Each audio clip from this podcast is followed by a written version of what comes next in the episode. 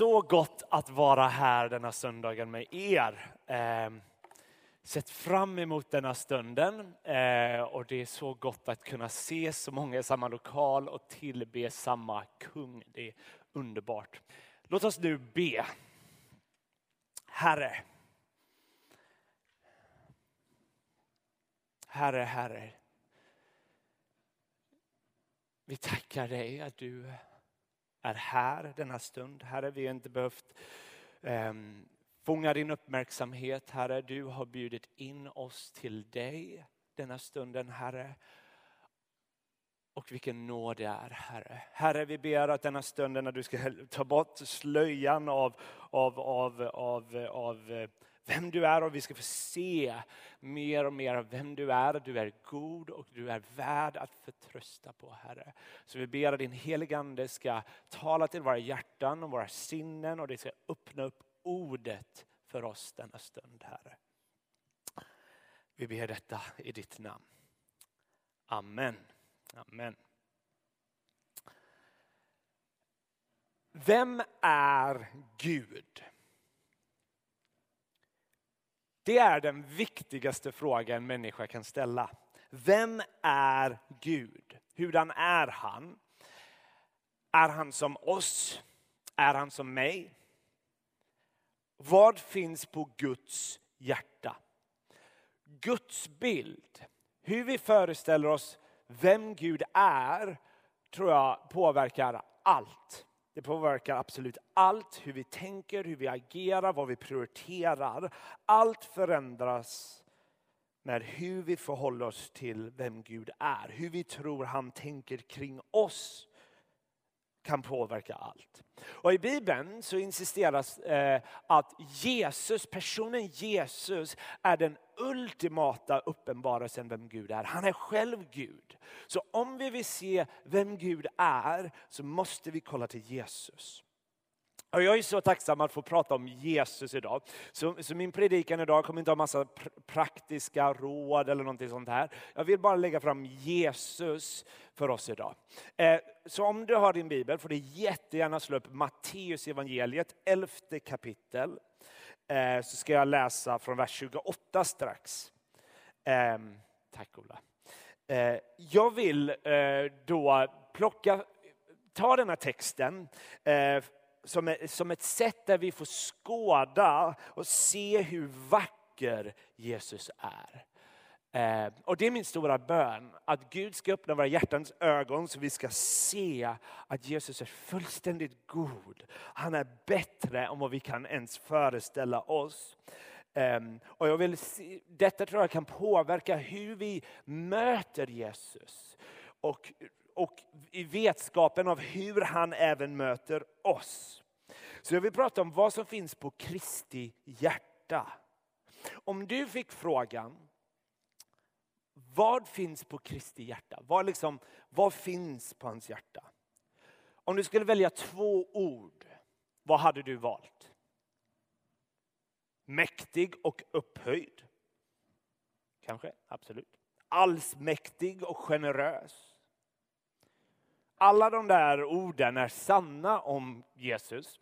Men det är bara ett ställe i Bibeln där Jesus själv säger vad som finns på hans hjärta. Och han väljer två ord som är kanske lite oväntade.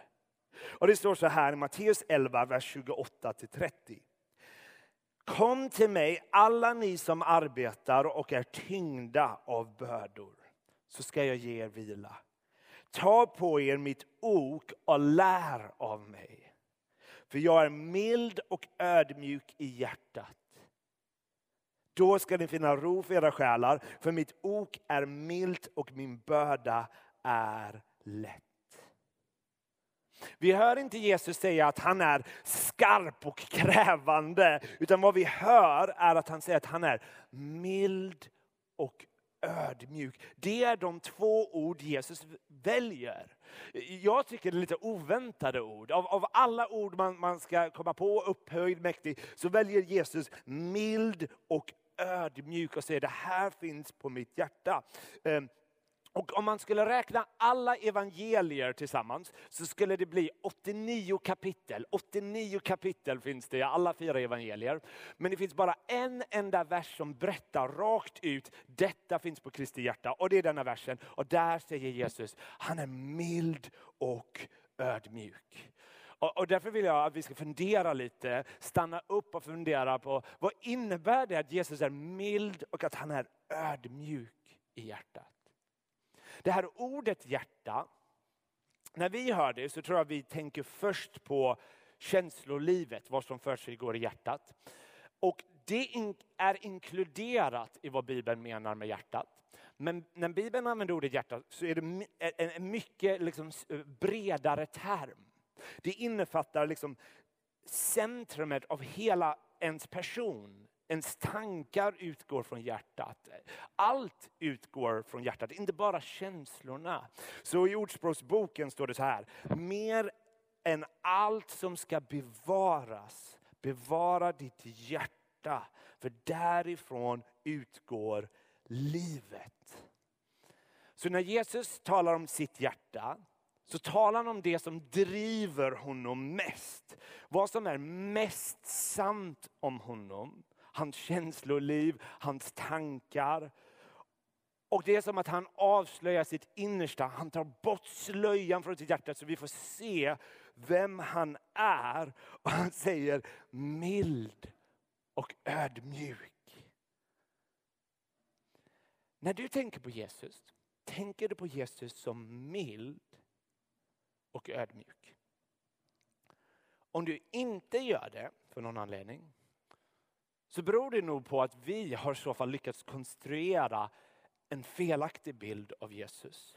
Och här vill Jesus visa vem han verkligen är. Så låt mig säga någonting om att han är mild och någonting om att han är ödmjuk. Så först mild. Jesus är mild.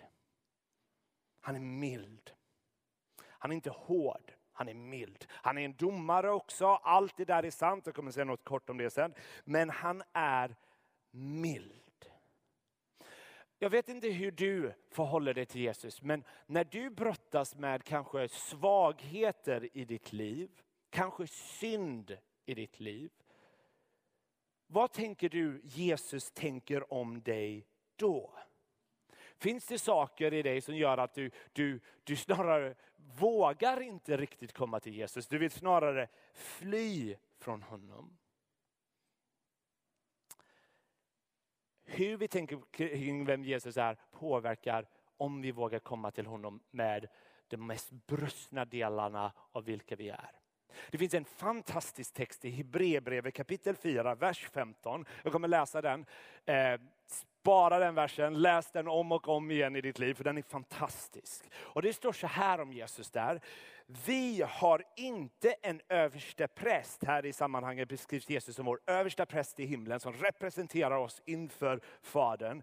Vi har inte en översta präst eh, som inte kan ha medlidande med våra svagheter, utan en som har varit frestad i allt, liksom vi, fast utan synd. Denna texten är helt ljuvlig.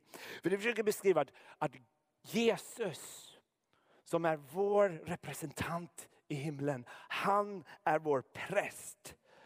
Det beskriver hur Jesus förhåller oss, sig till oss men vi kommer med vår svaghet och vår synd. Hur reagerar Jesus? Är han chockerad? Är han förfärad? Är han besviken? Texten säger att han känner medlidande. Han lider med våra svagheter. Och han förstår, han är människa, han blev en människa. Han som själv är Gud blev människa i kött och blod och kände utmaningarna, frestelserna, svagheter i sin kropp fast han var utan synd. Man har känt det och därför tycker jag det var så lämpligt den här sången vi sjöng precis. Trots att jag förledde dem att jag skulle predika om någonting helt annat så sjöng de en fras om eh, någon som vet hur stegen känns som exakt vad Hebreerbrevet säger. Jesus har vi en som vet hur stegen känns. Och han lider med dig, hans hjärta är för dig. På eh, 1600-talet så fanns en teolog som hette Thomas Goodwin. Och han skrev en hel bok bara på Hebreerbrevet kapitel 4, vers 15. Och han skrev den för att uppmuntra kristna som brottades med olika svagheter. Och den här boken den hette The Heart of Christ in Heaven Towards Sinners on Earth. Alltså Kristi hjärta i himlen gentemot syndare på jorden. Och han tog fram den här texten, Hebreerbrevet 4, för att uppmuntra eh, kristna. Och han sa att den här versen är som att vi får ta vår hand och lägga den på Jesu Kristi bröstkorg och känna hur hans hjärta bankar för oss. Att han möter oss med ömhet och godhet. Att Jesus, han som är kung upphöjd över allt, mäktig, allsmäktig, känner medlidande och möter oss med ömhet. Han vet hur det känns att vara hungrig, törstig, övergiven av vänner, ensam, missförstådd. Han har känt allt det där i sig själv. Och därför behöver vi inte frukta att komma till honom. Han kommer aldrig schasa iväg oss. Han kommer aldrig vara chockerad. Han kommer och möter oss med sin kärlek och medlidande. Han är fullständigt god. Han, rätt, eh, han, ah, han, han, han utmanar vår synd, han, han, eh, han, han blundar inte för vår synd, men han är mild och bjuder in oss till liv. Och därför är Jesus en kung vi kan lita på. Det finns en så vacker bild i Matteus 12 där det beskrivs hur Jesus möter bröstna människor. Där han säger att han, han kommer möta människor ungefär så här. Ett brutet strå ska han inte krossa. En rykande veke ska han inte släcka. Alltså det här brutna strået, så bara, det är bara en tidsfråga innan man tror det här ska falla av. Bara om någon rör det så kommer det liksom eh, brytas. Men Jesus möter oss med den ömhet så den bryts inte. Han kommer med helande. Och hur han möter människor i Bibeln så ser man detta. Han, man ser hur han möter människor beroende på vad de är i för situation. Eh, I Johannes evangeliet så får man höra berättelse efter berättelse där Jesus möter människor. Han möter dem på olika sätt. Så i Johannes 3 så möter han Nikodemus som är en religiös elit som tror att han har allt på plats. Och då kommer Jesus med ett utmanande ord till Nikodemus som tror att jag behöver ingen hjälp. Så säger Jesus, du måste födas om på nytt. Du behöver ta emot Guds liv som en gåva, du behöver den helige ande. Du måste födas om på nytt. Men i kapitlet efter så möter Jesus en samarisk kvinna som är förkastad av sitt eget folk, av det judiska folket. Och Jesus säger, jag har vatten som du kan dricka av. Jag har vatten som kan ge liv. Han möter henne med umhet. Det är en Jesus som ser exakt vad vi behöver. Han möter oss alltid med sin godhet. Så det är mild. Jesus är mild. Men han är också ödmjuk. I antiken så var ödmjuk inget ideal. Eh, vi är vana med att fortfarande att ödmjuk är någonting eftersträvansvärt i vårt samhälle. Eh, I alla fall för det mesta eh, så tycker vi en ödmjukhet är en bra kvalitet. Men så var det inte alls i antiken. Så när kristna började prata om ödmjukhet så uppfattades det som svaghet. Ödmjukhet var associerad med svaghet. Och det var genom kristendomen som proklamerade ett annat sätt att vara en människa som transformerade världen. Så vi började faktiskt se ödmjukhet som en styrka, som en, någonting vackert. Och Jesus förkroppsligar det här i sitt liv. Han kommer inridande på en åsna, ödmjuk. Han är en annorlunda kung. Och att säga att Jesus är ödmjuk tror jag innebär att Jesus är den mest tillgängliga person som finns. Han umgås inte bara med folk i sin rang. Han tittar inte ner på andra. Utan Bibeln presenterar Jesus som den mest tillgängliga person som finns. Som är djupt närvarande i allt vad vi gör. Han är en person vi inte behöver frukta att komma till som om han är upptagen med viktigare saker. Han är här och han ser exakt vad som försiggår i ditt liv just nu. Och till oss så bjuder han in oss till vila. Jesus säger kom. Vilka är det som kvalificeras till det här kommet? Jo, alla som är, arbetar och är tyngda av bördor. Om du känner tyngd av bördor, då är du kvalificerad för det här. Kom, kom till honom. Ta på er mitt ok och lär av mig, för jag är mild och ödmjuk i hjärtat. Då ska ni finna ro för era själar. För mitt ok är milt och min börda är lätt. Jesus kommer med en vila som inte är av den här världen. Ehm, och det kanske är personer här som bara, det känns länge sedan man kände frid i sitt liv och man känner bara kaoset i sitt liv. Eh, och jag vill bara extra betona till dig att Jesus är verkligen här. Och i dina ögon, i hans ögon är du så värdefull. Du är så värdefull. Han dog för dig. Och om du tillhör Jesus så kan du veta att din framtid är otroligt ljus. Den är otroligt ljus. Oavsett vad du brottas med, det kanske inte känns ljust just nu.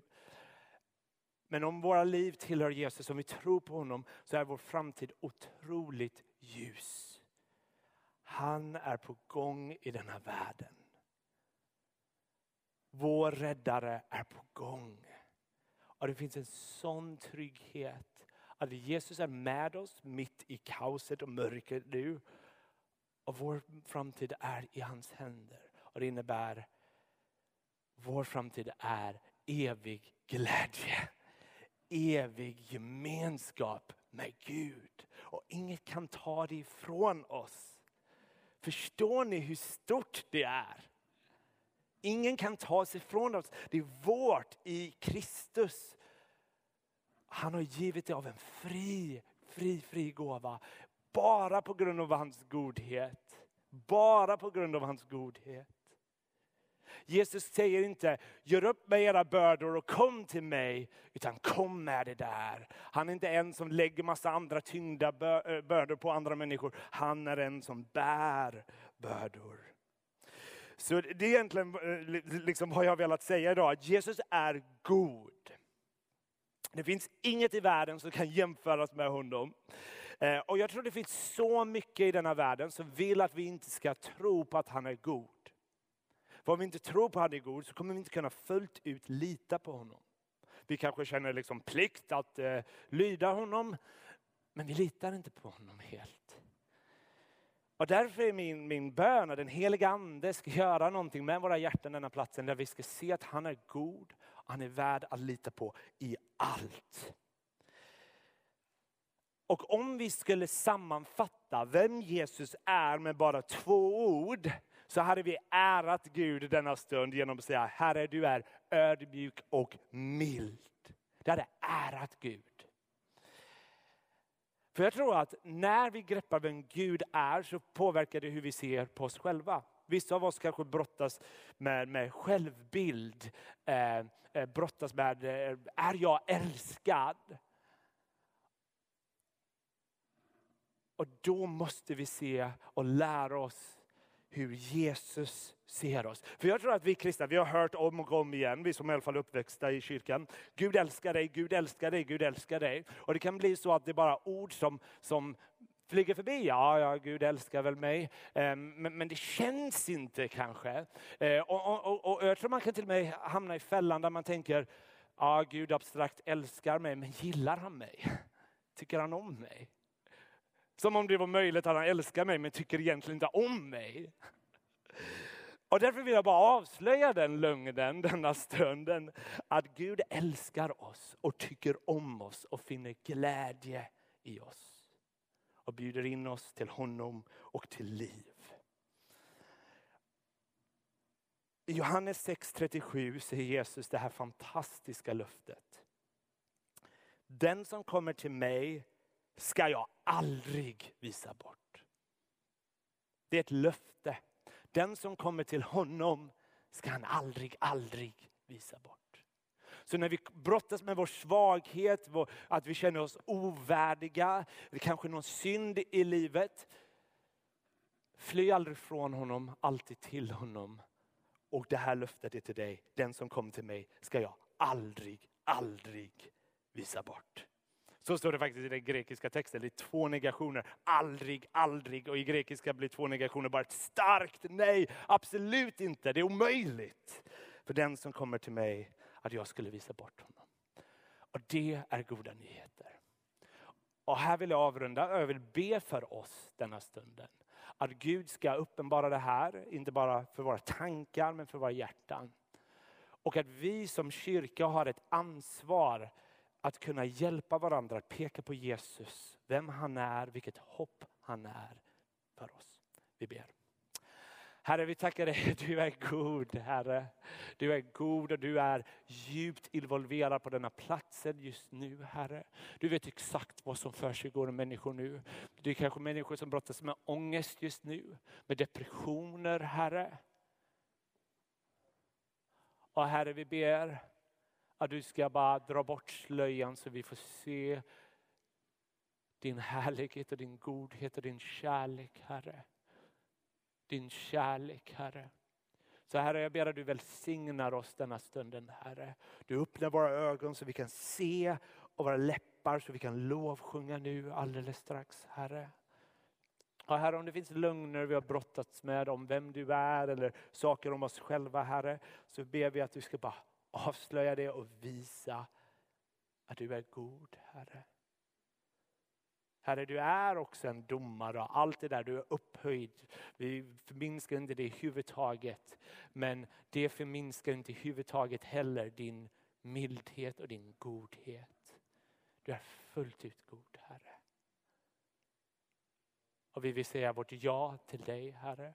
Jag vill säga mitt ja och jag bjuder in alla andra att vilja säga sitt ja till dig Herre. Ja Herre. Och när vi gör det så kan allt förändras Herre. Vi ber detta i Jesu namn. Amen.